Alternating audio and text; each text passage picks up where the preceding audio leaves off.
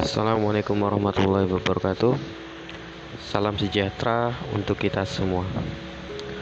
Saya berdoa kepada Allah SWT agar hari ini saya dan teman-teman semua mendapatkan perlindungan dari Allah SWT sehingga kita dapat dimudahkan langkahnya dalam menjalani aktivitas kita sehari-hari.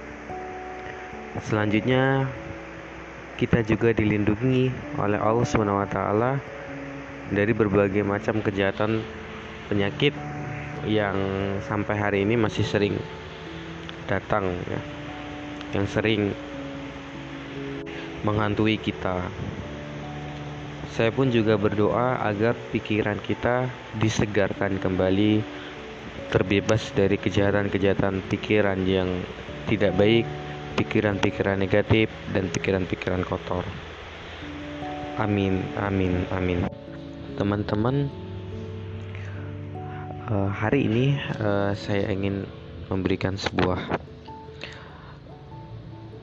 motivasi untuk teman-teman agar hari ini apa yang kita lakukan, apa yang kita kerjakan itu bisa lebih baik dibandingkan apa yang kita lakukan pada hari kemarin dan hari ini bisa menjadi suatu tangga kesuksesan bagi teman-teman yang ha, apa sedang berusaha untuk menghadapi tantangan hidupnya semakin luar biasa. Oke, uh, teman-teman, kita menyadari bahwa manusia merupakan makhluk Tuhan yang diciptakan oleh Allah Subhanahu wa taala dengan sangat sempurna. Ya, jadi segala sesuatu yang ada di dalam diri manusia itu sangat sempurna dan tidak ditemukan di uh, makhluk hidup mana pun, hewan maupun tumbuhan. Hewan maupun tumbuhan. Sehingga dengan kekuatan kita ya dengan kesempurnaan kita seharusnya menjadi sebuah nilai lebih ya menjadi sebuah kesyukuran yang luar biasa yang harus kita panjatkan kepada Tuhan kita kepada Allah Subhanahu wa taala atas ya kelebihan yang diberikan kepada kita. Tetapi teman-teman, meskipun kita diciptakan dengan sangat sempurna, namun pada kenyataannya masih banyak orang di luar sana yang masih berpikir bahwa dirinya itu kurang. Masih banyak orang di luar sana yang berpikir bahwa dirinya ini bukanlah apa-apa dan bukanlah siapa-siapa. Dia masih berpikir tentang kekurangan-kekurangan yang ada di dalam diri mereka. Padahal e, di dalam Al-Quran itu sudah jelas dikatakan bahwa aku telah menciptakan manusia dalam bentuk yang sempurna. Artinya apa? Kita sudah dijanjikan bahwa kita ini e, sudah diciptakan dalam bentuk yang paling sempurna. Kita pun kadang-kadang juga berpikir bahwa kita ini adalah seseorang yang begitu sangat kurang. Kita diberikan rezeki, tapi kita masih mengatakan bahwa kita ini sangat miskin. Kita ini tidak memiliki rezeki apa pun. Kita juga berpikir bahwa kita tidak mampu melakukan apa-apa. Kita terkungkung dalam ketidakmampuan. Padahal itu sejatinya menyalahi fitrah. Makanya uh, di dalam beberapa ilmu yang pernah saya dapatkan salah satunya adalah tentang uh, tentang otak kita ya jadi tentang kemampuan otak nah ternyata apa yang kita pahami apa yang kita rasakan apa yang kita pikirkan tentang otak kita itu sejatinya merupakan hasil dari uh, pola pikir kita sehari-hari. Ya. di dalam otak itu ada dua bagian. Otak di dalam ilmu uh, apa tentang uh, biologi itu ada dua. Ada namanya otak kanan dan otak otak kiri. Nah di dalam ilmu-ilmu lain tentang uh, pembelahan otak yang di otak kanan itu orang selalu mengatakan bahwa di situ adalah letaknya seni. Di situ letaknya tentang musik di situ letaknya tentang kreativitas dan lain sebagainya. Kemudian di belahan otak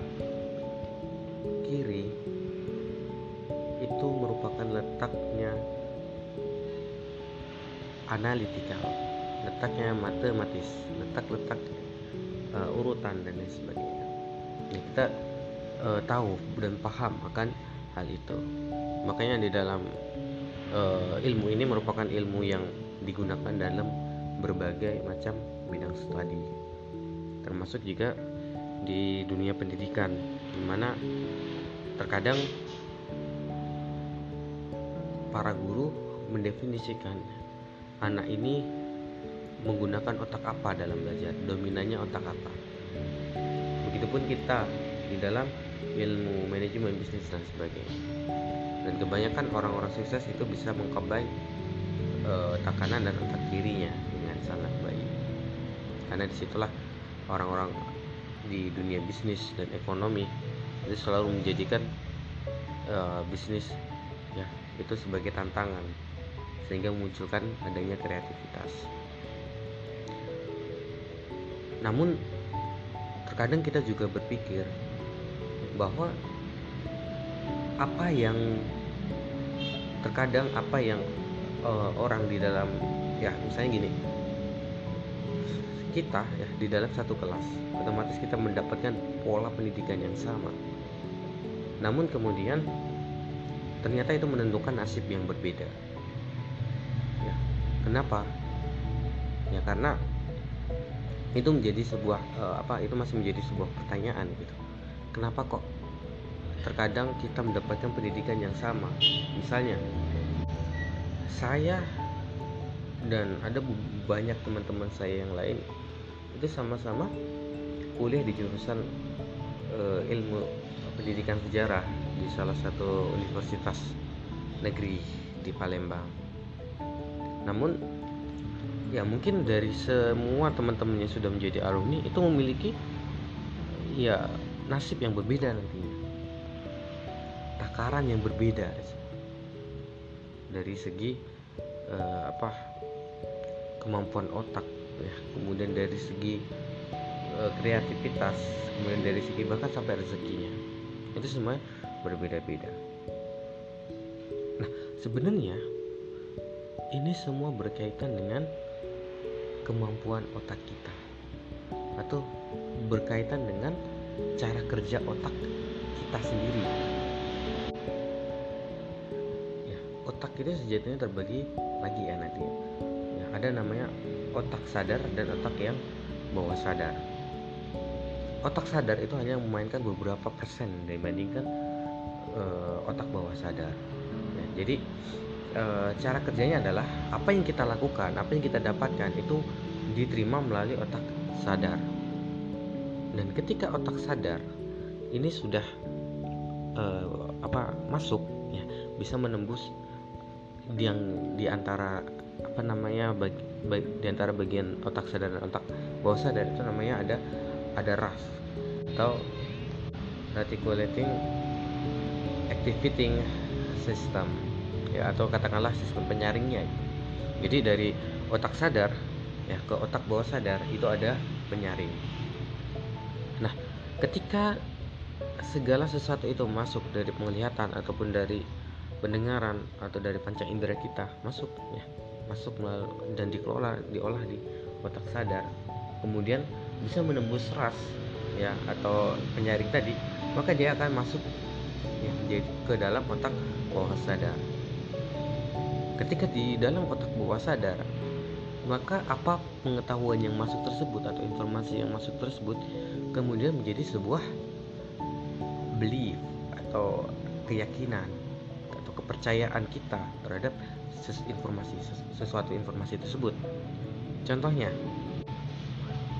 dulu saya tidak mengerti, ya tidak tahu bahwa sebenarnya bentuk bumi itu adalah bulat.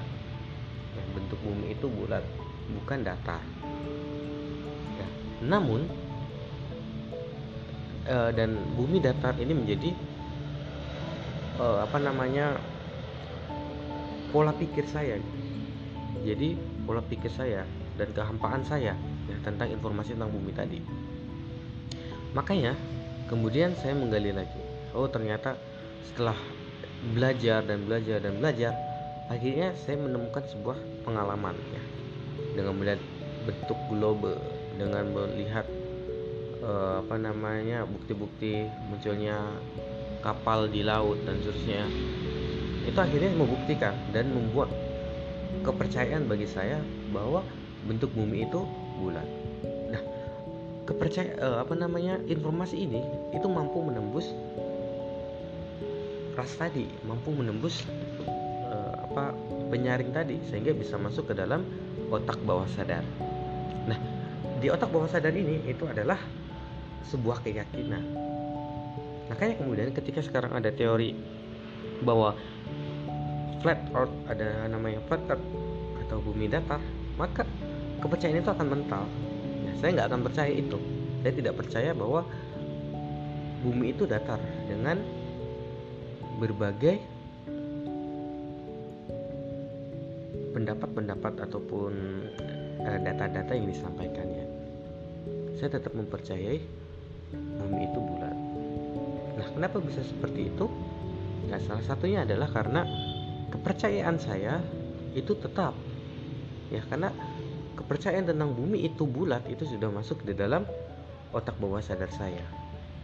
Nah jadi seperti itu pola pikirnya ya cara kerja otak kita. Jadi ada otak sadar kita ya. Jadi hanya bekerja sebagai beberapa ini ya beberapa persen daripada kegiatan kita berpikir. Kemudian ada reticulating uh, apa ya bahasa Inggrisnya saya agak ini. Tapi ya kurang lebih itu dikatakan sebagai penyaring atau ras ya, disingkat menjadi ras.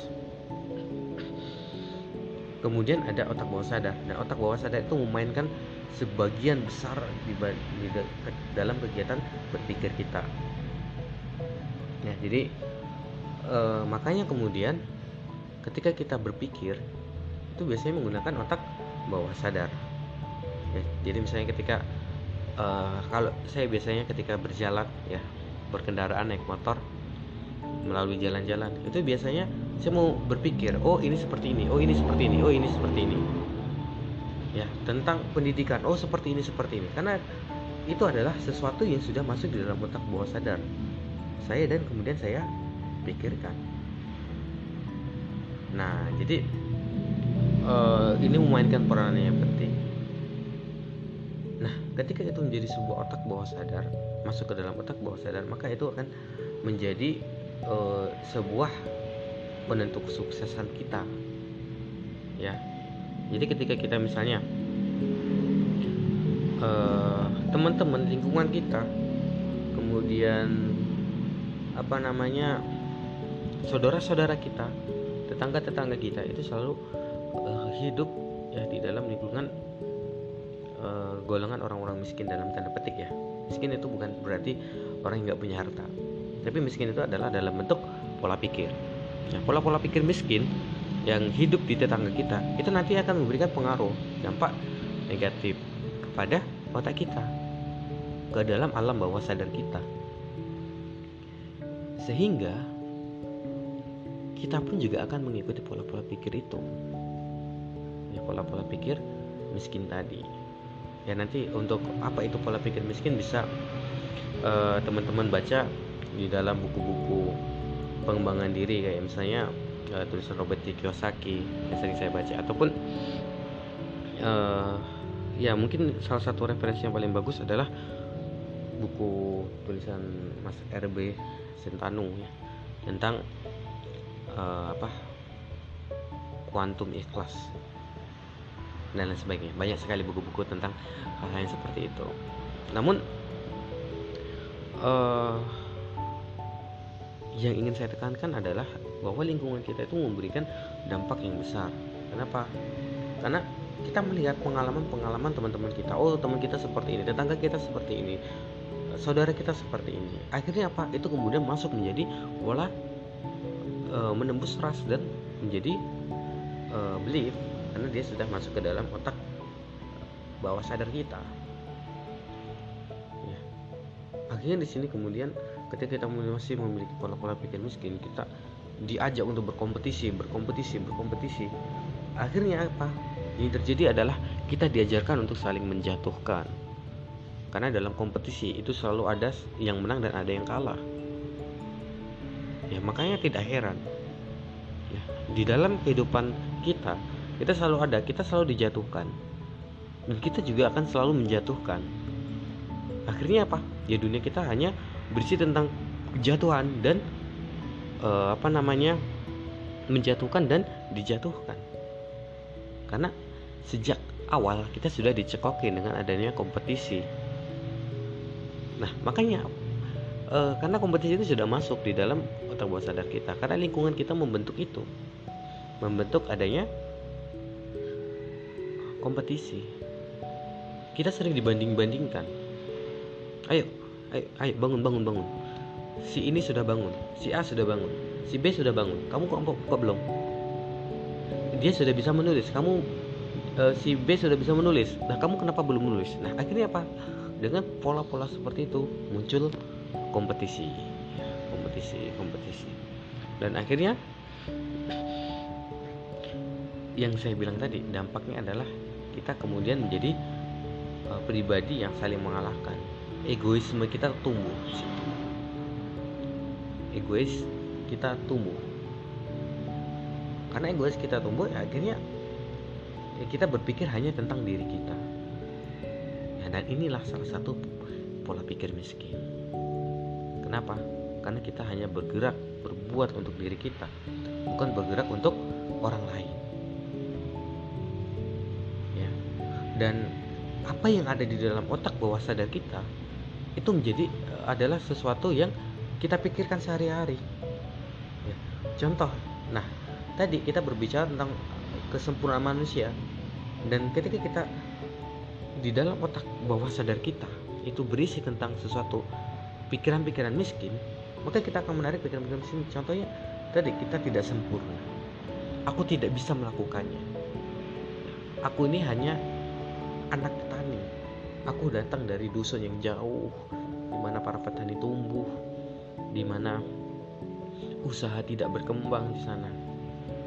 Dan akhirnya apa? Pola pikir-pola pikir ini menjadikan kita uh, sebuah keyakinan bahwa kita tidak mampu dan tidak bisa melakukan apa-apa. Nah, akhirnya apa? Dan ini akhirnya itu adalah uh, di alam bawah sadar kita itu menarik apa yang kita pikirkan makanya saya salah satu orang yang percaya dengan adanya doa. Ternyata doa itu benar. Ternyata doa itu bisa menjadi kenyataan. Makanya kalau di dalam ilmu psikologis ya saya pernah mendapatkan materinya dari Pak Mamduh dia mengatakan seperti ini bahwa setiap kata-kata itu memiliki dat, uh, apa batas silvo ya. Jadi ketika kita sering mengucapkan mengucapkan saya miskin, saya tidak mampu, saya lemah, saya tidak bisa belajar ini, saya tidak bisa melakukan ini, maka akhirnya apa? Akhirnya ketika itu mencapai batas silpo, maka itu akan menarik apa yang yang kita pikirkan tadi. Jadi ini sesuai dengan hukum-hukum uh, ya contohnya magnet rezeki, ya, hukum-hukum yang bahkan juga ditulis di dalam uh, apa Sandra Anne Tyler ya di dalam bukunya Quantum Success. Jadi apa yang kita pikirkan itu akan menarik. Apa itu yang, yang kita pikirkan itu tadi? Jadi ketika kita berpikir bahwa saya tidak mampu beli mobil atau kita berpikir saya ini orang miskin saya nggak bisa dapat penghasilan 10 juta per bulan 10 juta per hari saya nggak mampu mendapatkan pendapatan satu miliar per bulan. Maka akhirnya itu akan menarik sendiri. Jadi menarik ketidakmampuan. Ya jadi ketika kita berpikir tentang ketidakmampuan maka itu akan be, apa namanya menarik yang tidak mampu tadi. Ya, makanya kita dianjurkan ya di dalam ya mungkin dalam ajaran-ajaran agama pun kita juga harus berpikir. Makanya kalau di dalam Islam itu ada namanya kita diminta untuk berpikir buruk sangka uh, apa uh, masa buruk sangka ya. Apa namanya berbaik sangka kepada seseorang. Kita diajak berpikir positif ya. Diajak berpikir positif. Kita memaafkan orang kemudian kita diminta untuk agar kita ini jangan sampai hus, eh, apa namanya suuzon sama orang. Kita harus husnuzon berprasangka baik sama orang. Karena apa? Karena kalau misalnya kita berpikir yang baik baik baik baik baik baik maka yang baik itu akan datang kepada kita. Ya yang baik itu akan datang kepada kita. Makanya uh, ya kita sama-sama berubah. Ya, kita merubah pola pikir kita dari yang dulunya berpikir positif uh, negatif negatif thinking sekarang kita mulai buka buka keran pikiran kita dan jadilah positif. Ya karena pikiran positif akan menarik sesuatu yang positif.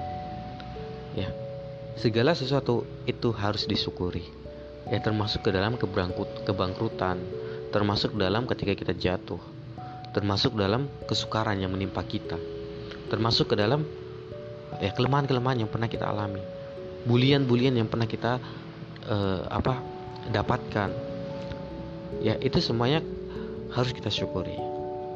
Karena itu adalah sebuah pengalaman yang berharga. Karena itu adalah sebuah pelajaran penting bagi kita. Karena dengan jatuh kita bisa mengambil hikmah dari setiap kegagalan yang pernah kita alami. Makanya uh, saya pernah mendengar sebuah motivasi seperti ini jadi ketika kita uh, sebuah kita membangun sebuah usaha, maka kita akan sering dihadapkan dengan jatuh dan bangun. Kita dihadapkan dengan kebangkrutan. Ya, dihadapkan dengan uh, perasaan ingin apa? Perasaan uh, apa? Sudah bangkrut karena harta kita habis. Namun kita tetap harus bersyukur. Ya, kenapa? Karena kita masih diberikan sesuatu yang lebih. Dan ini kelebihan kita. Ya, ketika kita bisa berpikir positif, maka semuanya akan berpikir positif. Semuanya akan kembali dengan normal. Ya. Be a positif jadilah positif. Karena otak kita akan menarik sesuatu yang kita pikirkan. Otak positif akan menarik yang positif. Otak negatif akan menarik otak negatif. Oke teman-teman jadi uh, ayo kita bersama-sama menjadi orang yang positif. Kita bersama-sama menjadi seorang yang luar biasa. Kita merasakan uh, energi yang luar biasa yang Allah pancarkan kepada kita. Ya. Kita kembali bergantung kepada Allah taala.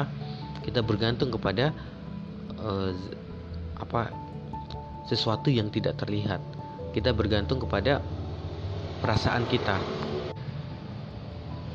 kita bergantung kepada sesuatu yang tidak tampak. Ya. Kita jangan hanya bergantung kepada materi kita. Sesuatu yang tampak yang dapat kita lihat. Tapi kita juga harus mulai berpikir bahwa kita juga harus bergantung kepada apa yang tidak tampak. Tidak hanya bergantung pada materi, tapi juga bergantung kepada non materi. Oke, eh, teman-teman, mungkin itu saja. Uh, motivasi yang bisa saya sampaikan kepada teman yang bisa saya bagikan kepada teman-teman. Ya harapan saya uh, kita bisa sama-sama menjadi orang-orang yang positif berpikir positif. Ya menjadi orang-orang yang lebih baik ya dibandingkan apa-apa yang sudah kita kerjakan di hari kemarin. Dan kita bisa menjadi eh, orang-orang uh, yang bertindak luar biasa menjadi agent of change menjadi sebuah pembeda di tengah masyarakat kita dan kita juga berdoa semoga kita menjadi orang yang sukses sukses di dalam keluarga kita menjadi ayah yang luar biasa, menjadi ibu yang luar biasa, dan menjadi anak yang luar biasa, sukses dalam kehidupan beragama kita, ya, sukses dalam bidang finansial kita. Semoga kita diberikan kemudahan untuk menjadi orang-orang per miliarder pertama di dalam keluarga kita. Amin. Kemudian sukses dalam lingkungan masyarakat kita agar orang-orang bisa mendapatkan pancaran sinar kebaikan, sinar uh, kesejahteraan dan sinar kebahagiaan yang kita berikan kepada teman-teman kita. Oke, cukup hari ini. Uh, terima kasih sudah mendengarkan. Saya akhiri. Assalamualaikum warahmatullahi wabarakatuh. Selamat pagi.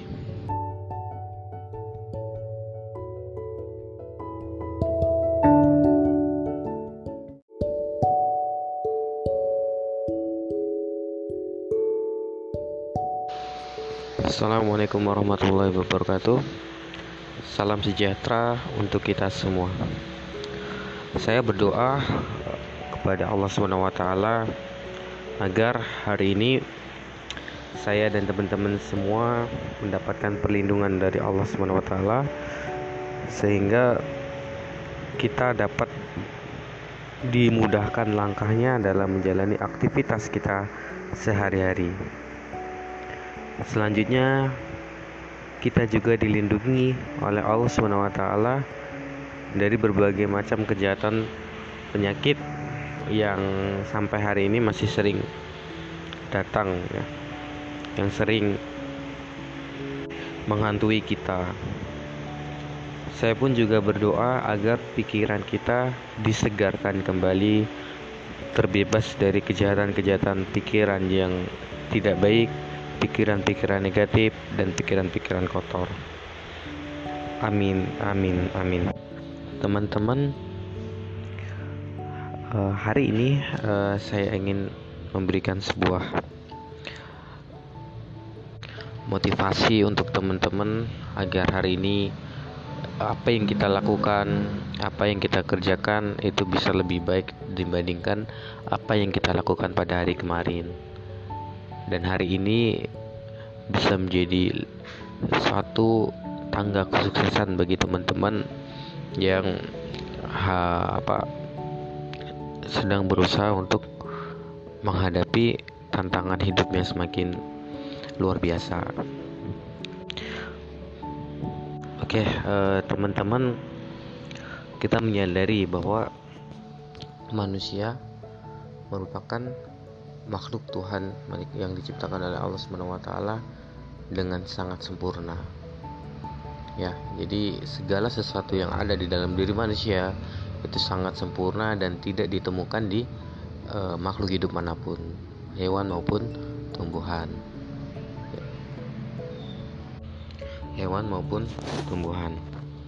Sehingga dengan kekuatan kita, ya dengan kesempurnaan kita, seharusnya menjadi sebuah nilai lebih ya menjadi sebuah kesyukuran yang luar biasa yang harus kita panjatkan kepada Tuhan kita kepada Allah Subhanahu wa taala atas ya kelebihan yang diberikan kepada kita. Tetapi teman-teman meskipun kita diciptakan dengan sangat sempurna namun pada kenyataannya masih banyak orang di luar sana yang masih berpikir bahwa dirinya itu kurang. Masih banyak orang di luar sana yang berpikir bahwa dirinya ini bukanlah apa-apa dan bukanlah siapa-siapa. Dia masih berpikir tentang kekurangan-kekurangan yang ada di dalam diri mereka. Padahal e, di dalam Al-Quran itu sudah jelas dikatakan bahwa aku telah menciptakan manusia dalam bentuk yang sempurna. Artinya apa? Kita sudah dijanjikan bahwa kita ini e, sudah diciptakan dalam bentuk yang paling sempurna. Kita pun kadang-kadang juga berpikir bahwa kita ini adalah seseorang yang begitu sangat kurang. Kita diberikan rezeki tapi kita masih mengatakan bahwa kita ini sangat miskin. Kita ini tidak memiliki rezeki apa pun. Kita juga berpikir bahwa kita tidak mampu melakukan apa-apa. Kita terkungkung dalam ketidakmampuan. Padahal itu sejatinya menyalahi fitrah. Makanya eh, di dalam beberapa ilmu yang pernah saya dapatkan salah satunya adalah tentang eh, tentang otak kita. Ya jadi tentang kemampuan otak. Nah ternyata apa yang kita pahami apa yang kita rasakan apa yang kita pikirkan tentang otak kita itu sejatinya merupakan hasil dari uh, pola pikir kita sehari-hari. Ya, di dalam otak itu ada dua bagian. Otak di dalam ilmu uh, apa tentang uh, biologi itu ada dua, ada namanya otak kanan dan otak otak kiri. Di dalam ilmu-ilmu lain tentang uh, pembelahan otak yang di otak kanan itu orang selalu mengatakan bahwa di situ adalah letaknya seni. Di situ letaknya tentang musik di situ letaknya tentang kreativitas dan lain sebagainya. Kemudian di belahan otak kiri itu merupakan letaknya analitikal letaknya matematis letak-letak uh, urutan dan lain sebagainya. Ya, kita uh, tahu dan paham akan hal itu. Makanya di dalam uh, ilmu ini merupakan ilmu yang digunakan dalam berbagai macam bidang studi termasuk juga di dunia pendidikan di mana terkadang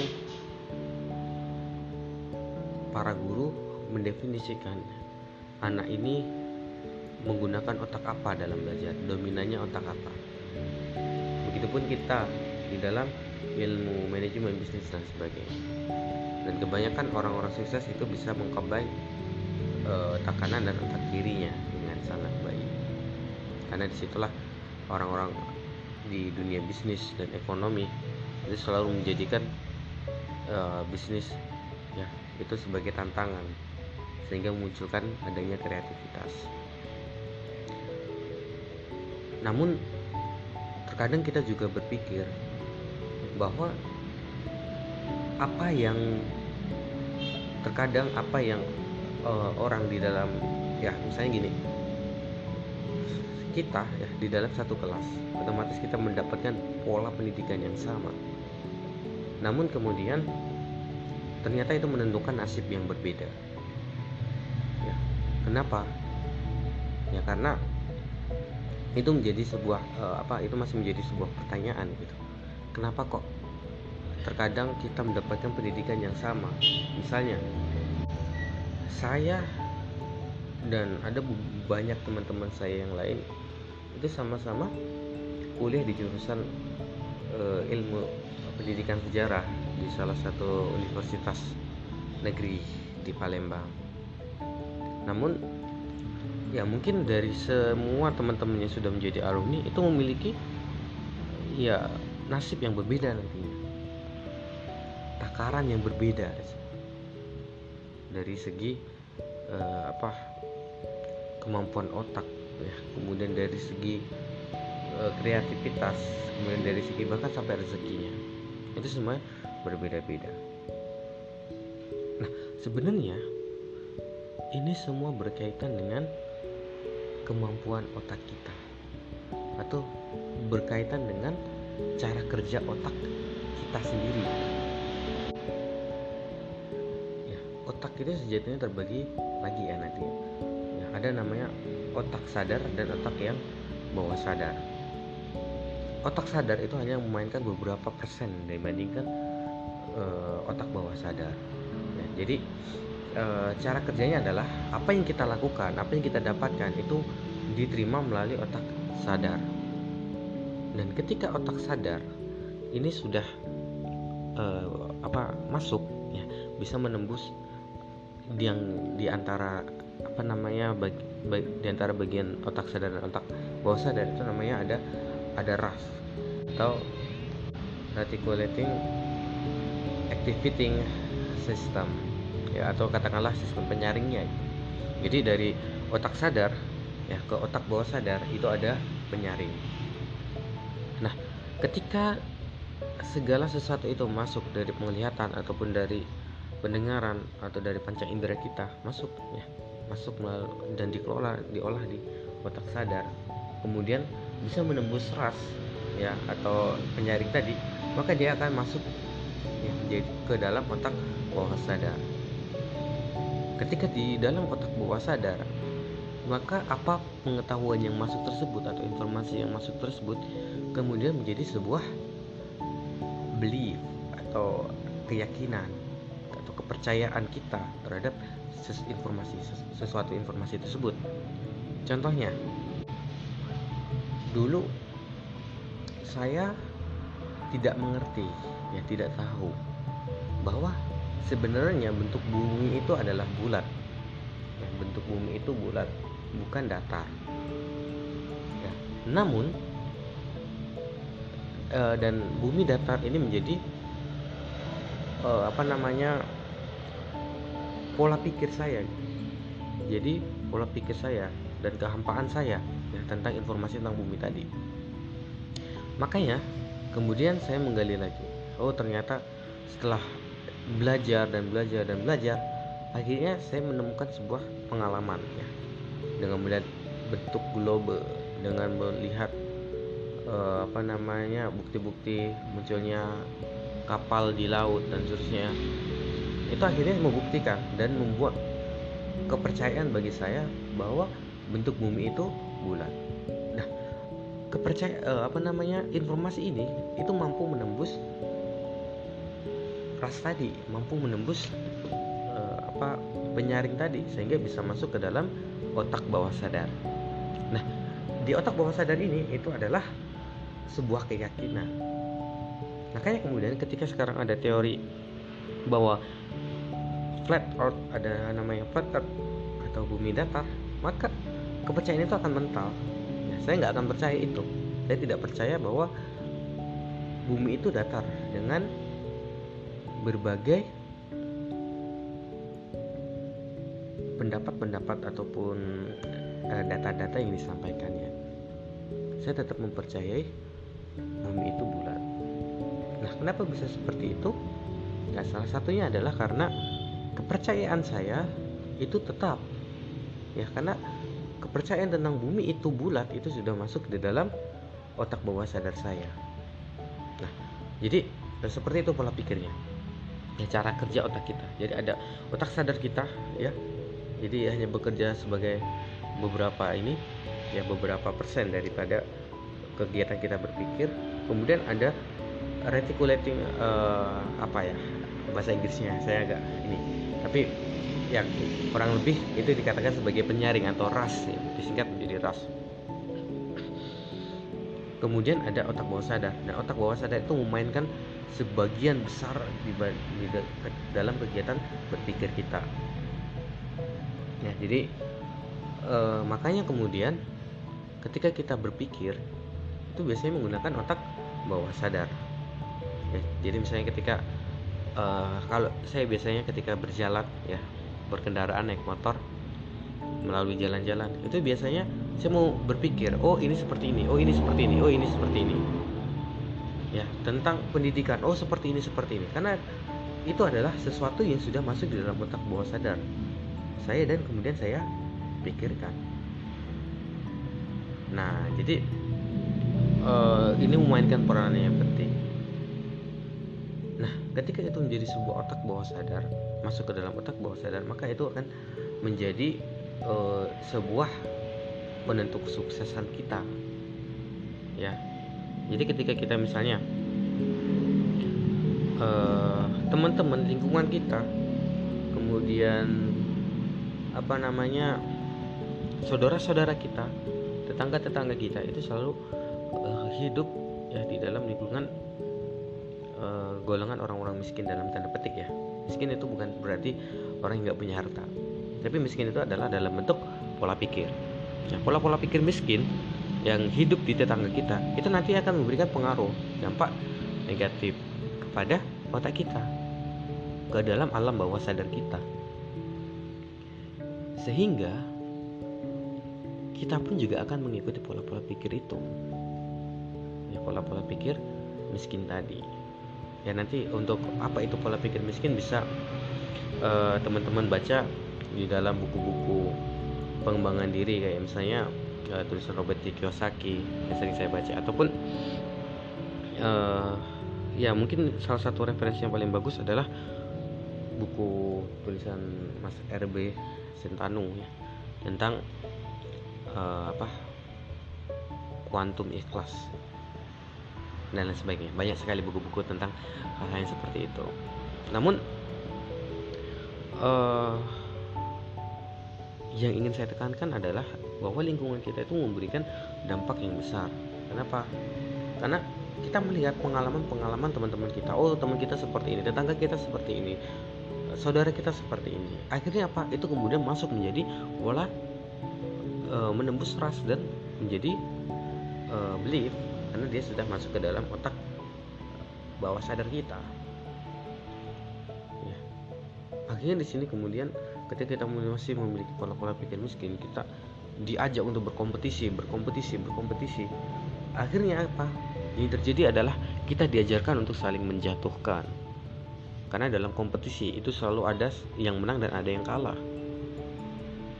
Ya makanya tidak heran. Ya, di dalam kehidupan kita kita selalu ada kita selalu dijatuhkan. Dan kita juga akan selalu menjatuhkan. Akhirnya apa? Ya dunia kita hanya berisi tentang kejatuhan dan uh, apa namanya menjatuhkan dan dijatuhkan. Karena sejak awal kita sudah dicekokin dengan adanya kompetisi. Nah makanya uh, karena kompetisi itu sudah masuk di dalam otak bawah sadar kita karena lingkungan kita membentuk itu. Membentuk adanya kompetisi. Kita sering dibanding-bandingkan. Ayo ayo ayo bangun bangun bangun. Si ini sudah bangun si A sudah bangun si B sudah bangun. Kamu kok kok belum? Dia sudah bisa menulis. Kamu uh, si B sudah bisa menulis. Nah kamu kenapa belum menulis? Nah akhirnya apa? Dengan pola-pola seperti itu muncul kompetisi. Kompetisi kompetisi. Dan akhirnya yang saya bilang tadi dampaknya adalah kita kemudian menjadi uh, pribadi yang saling mengalahkan egoisme kita tumbuh egois kita tumbuh. Karena egois kita tumbuh ya akhirnya ya kita berpikir hanya tentang diri kita. Ya, dan inilah salah satu pola pikir miskin. Kenapa? Karena kita hanya bergerak berbuat untuk diri kita bukan bergerak untuk orang lain.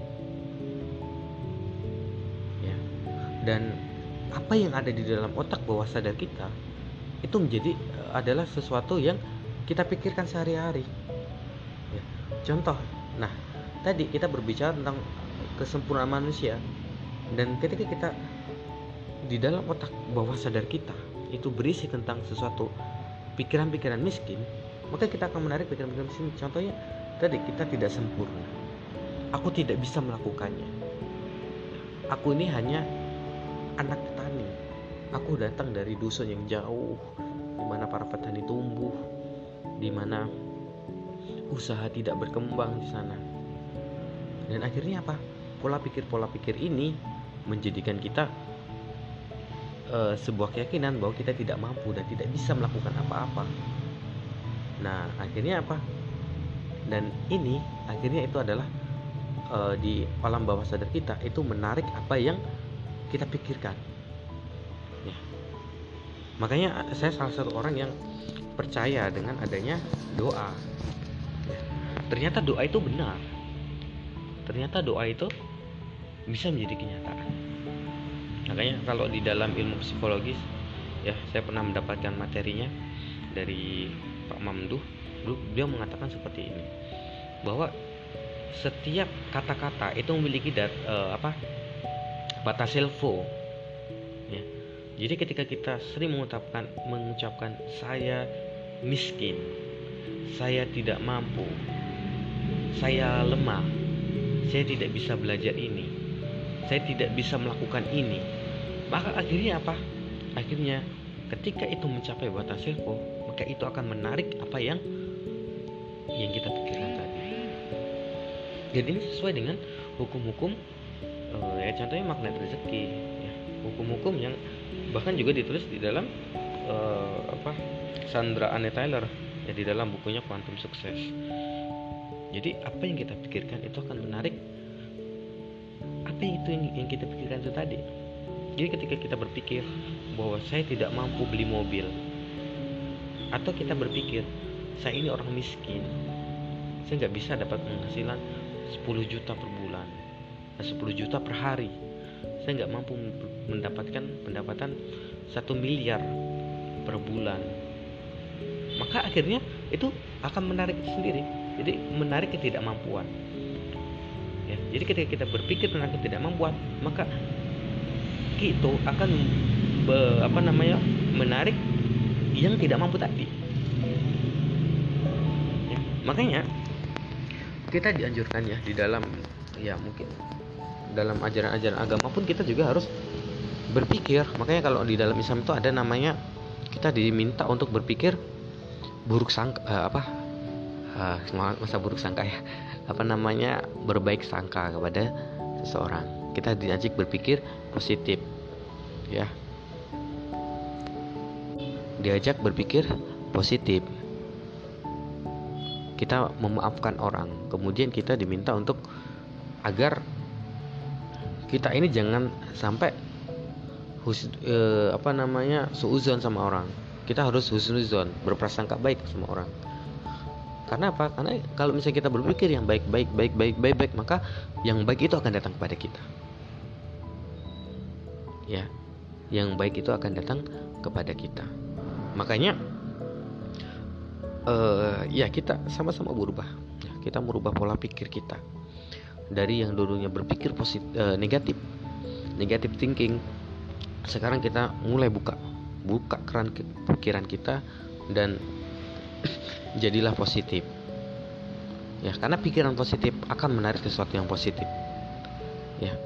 Segala sesuatu itu harus disyukuri ya termasuk ke dalam kebangkrutan termasuk dalam ketika kita jatuh termasuk dalam kesukaran yang menimpa kita termasuk ke dalam ya kelemahan-kelemahan yang pernah kita alami bulian-bulian yang pernah kita uh, apa dapatkan ya itu semuanya harus kita syukuri karena itu adalah sebuah pengalaman yang berharga karena itu adalah sebuah pelajaran penting bagi kita karena dengan jatuh kita bisa mengambil hikmah dari setiap kegagalan yang pernah kita alami.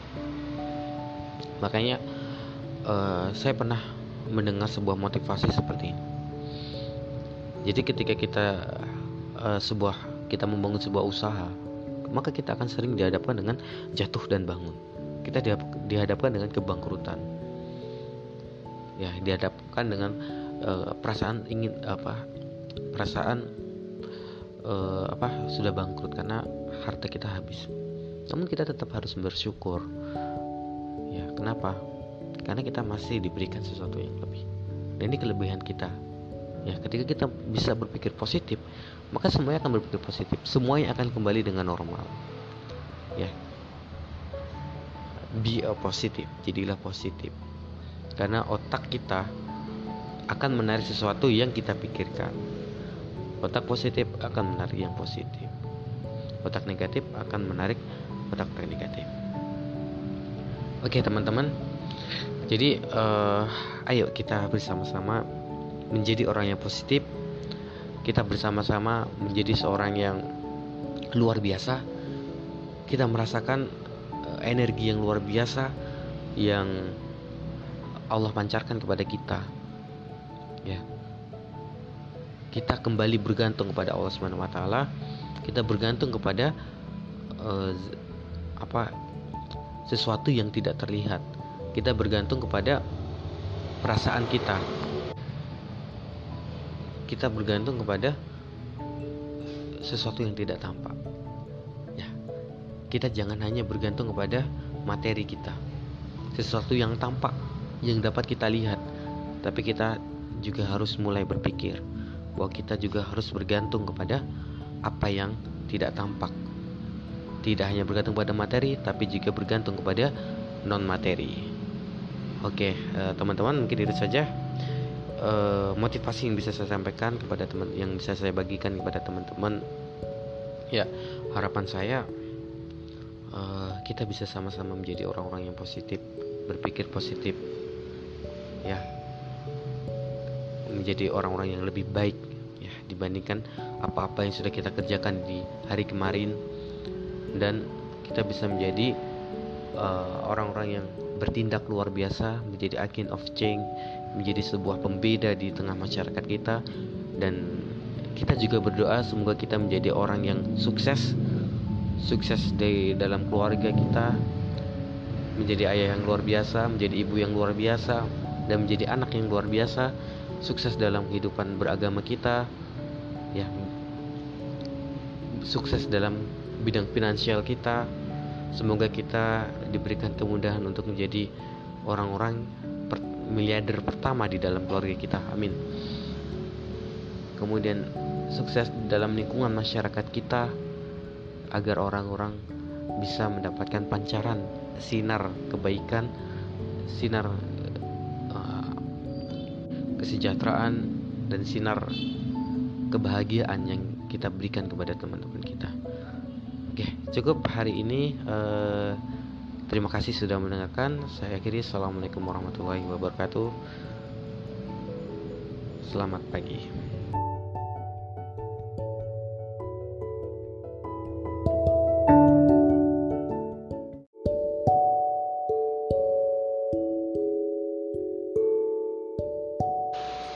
Assalamualaikum warahmatullahi wabarakatuh.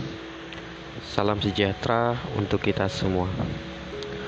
Saya berdoa kepada Allah SWT agar hari ini saya dan teman-teman semua mendapatkan perlindungan dari Allah SWT sehingga kita dapat dimudahkan langkahnya dalam menjalani aktivitas kita sehari-hari.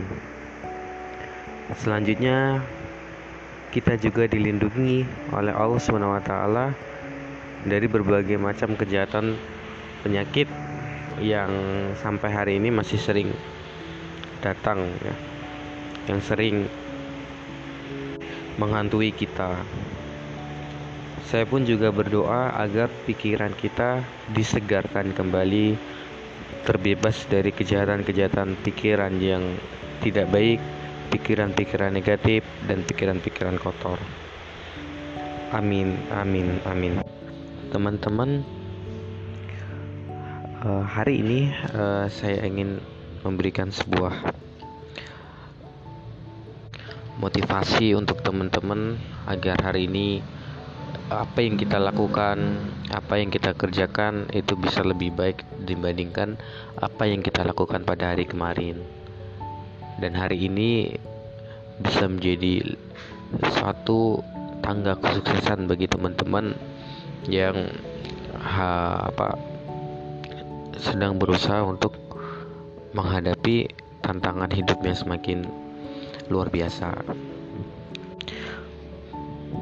Oke, uh, teman-teman, kita menyadari bahwa manusia merupakan makhluk Tuhan yang diciptakan oleh Allah SWT dengan sangat sempurna.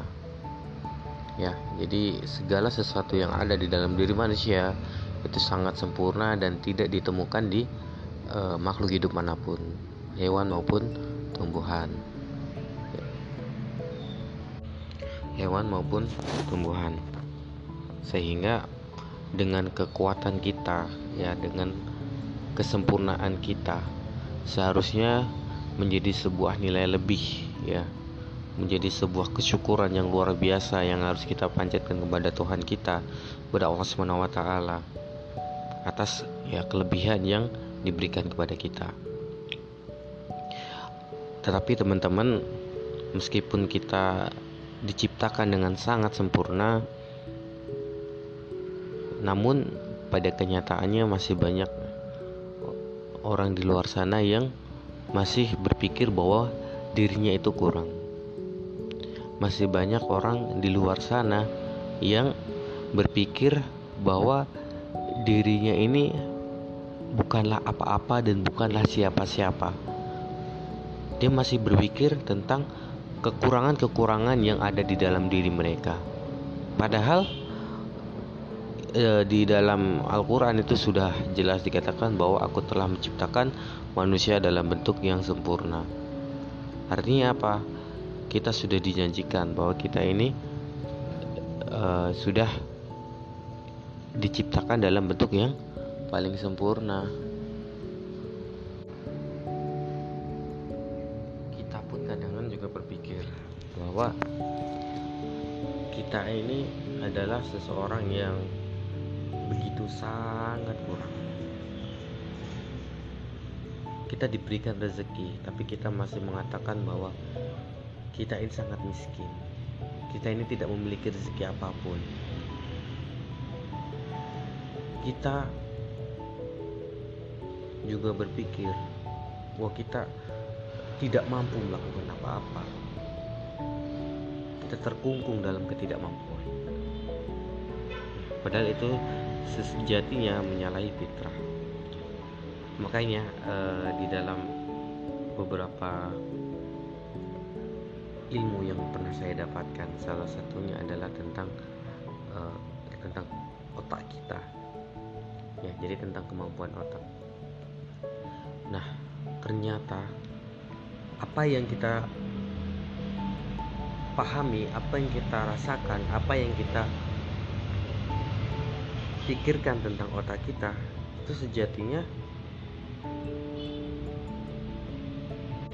merupakan hasil dari uh, pola pikir kita sehari-hari. Ya, di dalam otak itu ada dua bagian. Otak di dalam ilmu uh, apa tentang uh, biologi itu ada dua ada namanya otak kanan dan otak otak kiri. Nah di dalam ilmu-ilmu lain tentang uh, pembelahan otak yang di otak kanan itu orang selalu mengatakan bahwa di situ adalah letaknya seni. Di situ letaknya tentang musik di situ letaknya tentang kreativitas dan lain sebagainya kemudian di belahan otak kiri itu merupakan letaknya analitikal letaknya matematis letak-letak uh, urutan dan lain sebagainya. Nah, kita uh, tahu dan paham akan hal itu. Makanya di dalam uh, ilmu ini merupakan ilmu yang digunakan dalam berbagai macam bidang studi termasuk juga di dunia pendidikan di mana terkadang para guru mendefinisikan anak ini menggunakan otak apa dalam belajar dominannya otak apa. Begitupun kita di dalam ilmu manajemen bisnis dan sebagainya.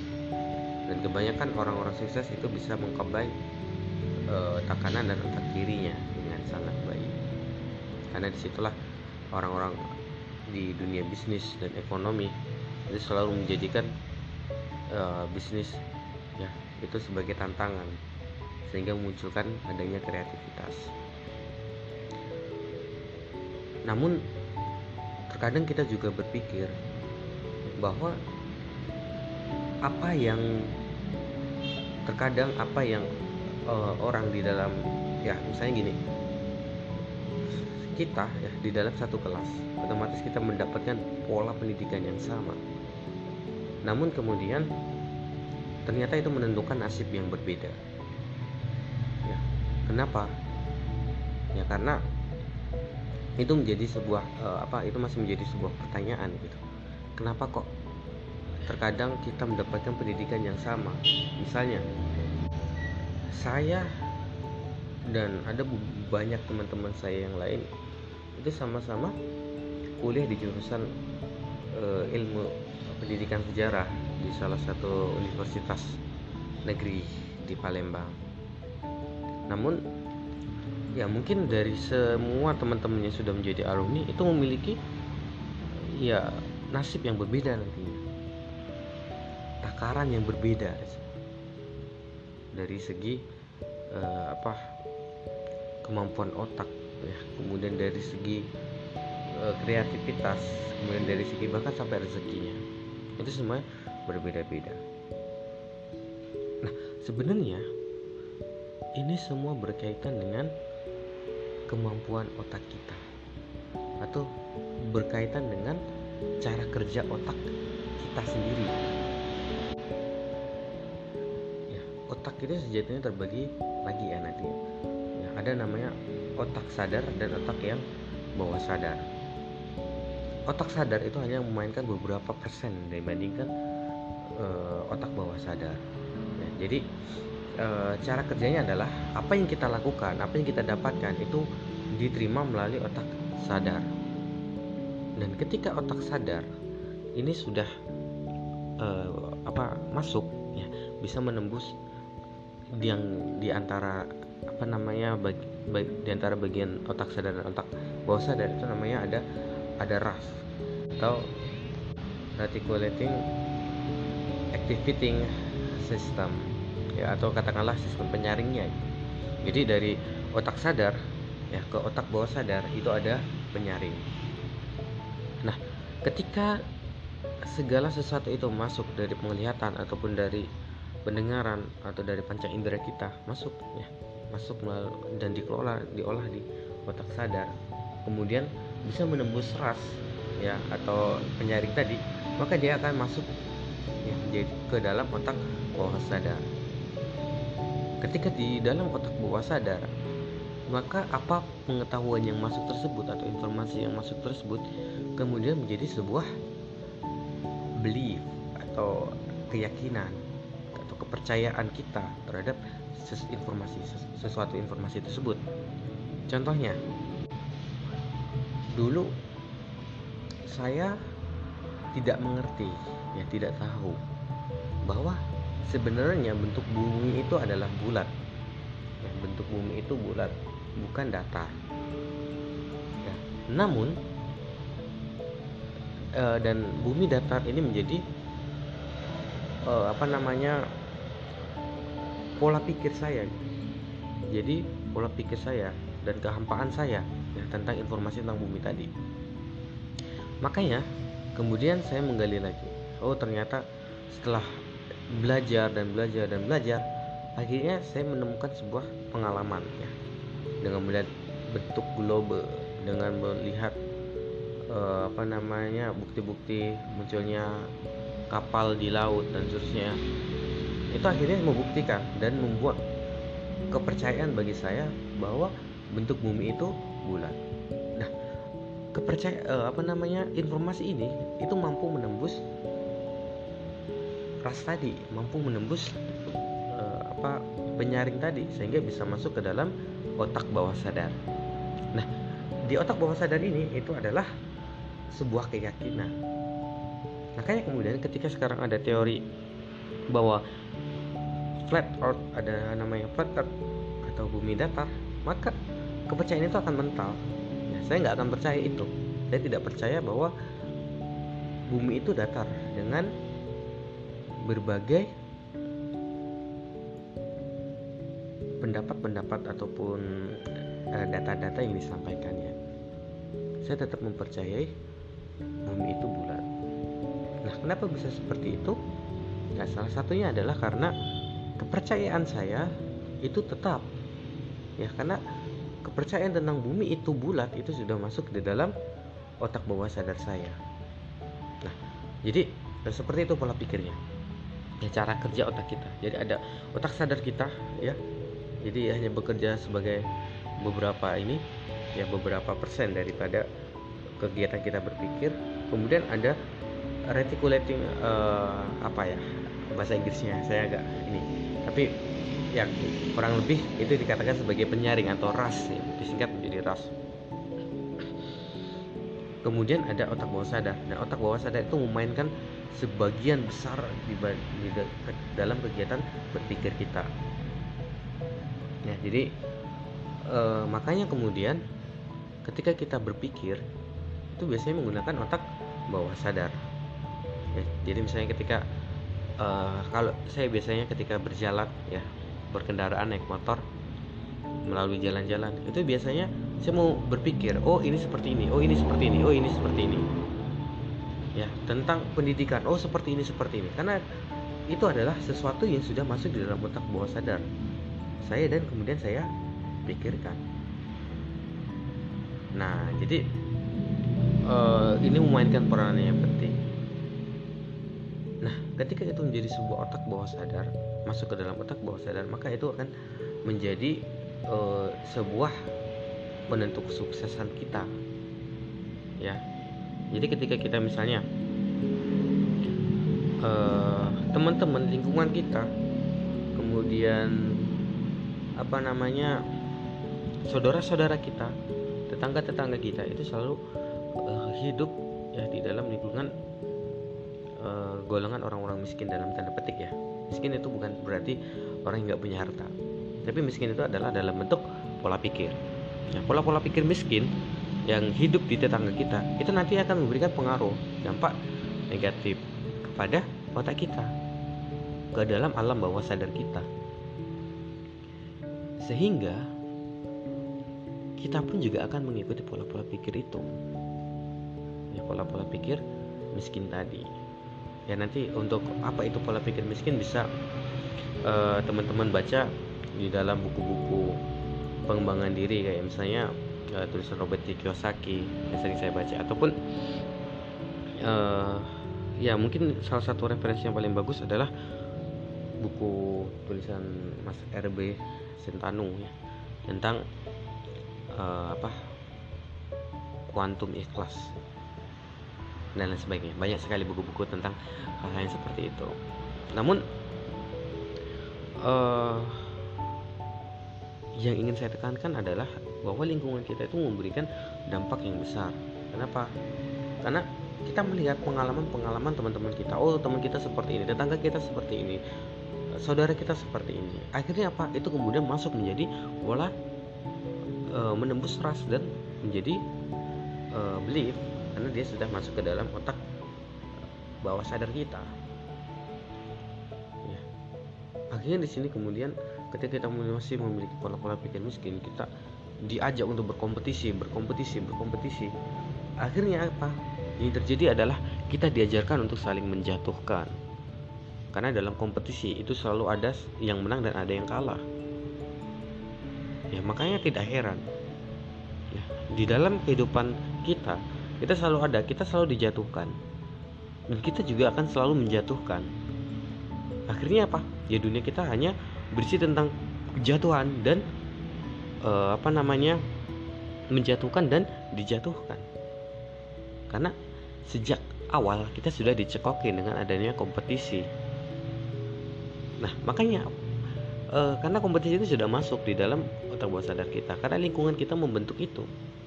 Membentuk adanya kompetisi.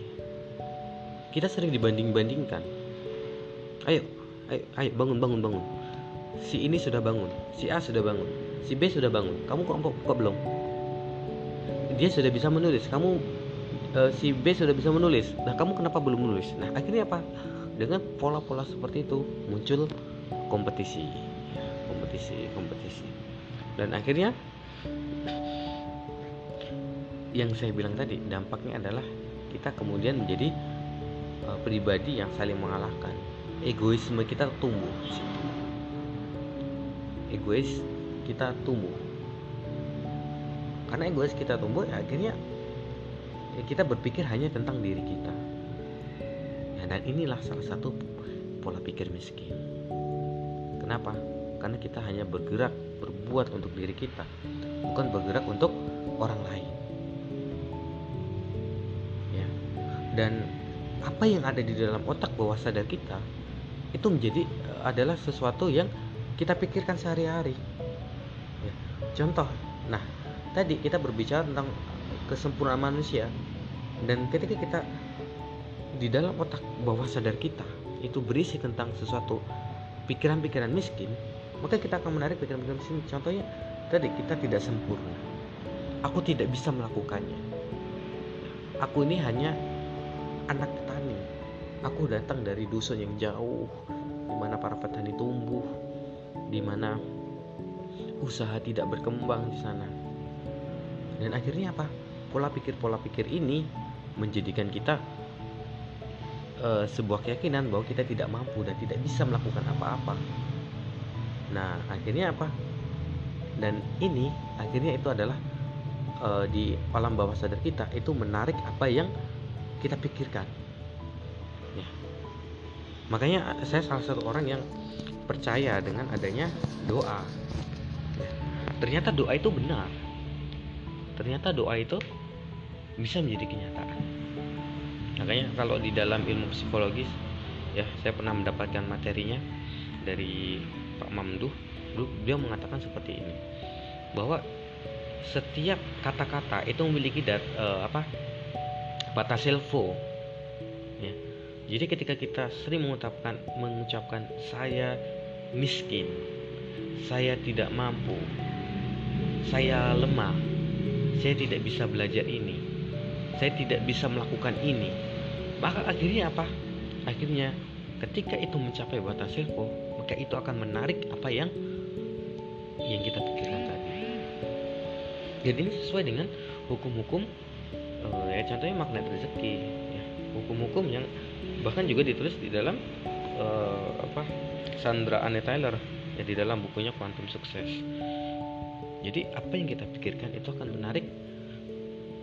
Tapi itu yang, yang kita pikirkan itu tadi?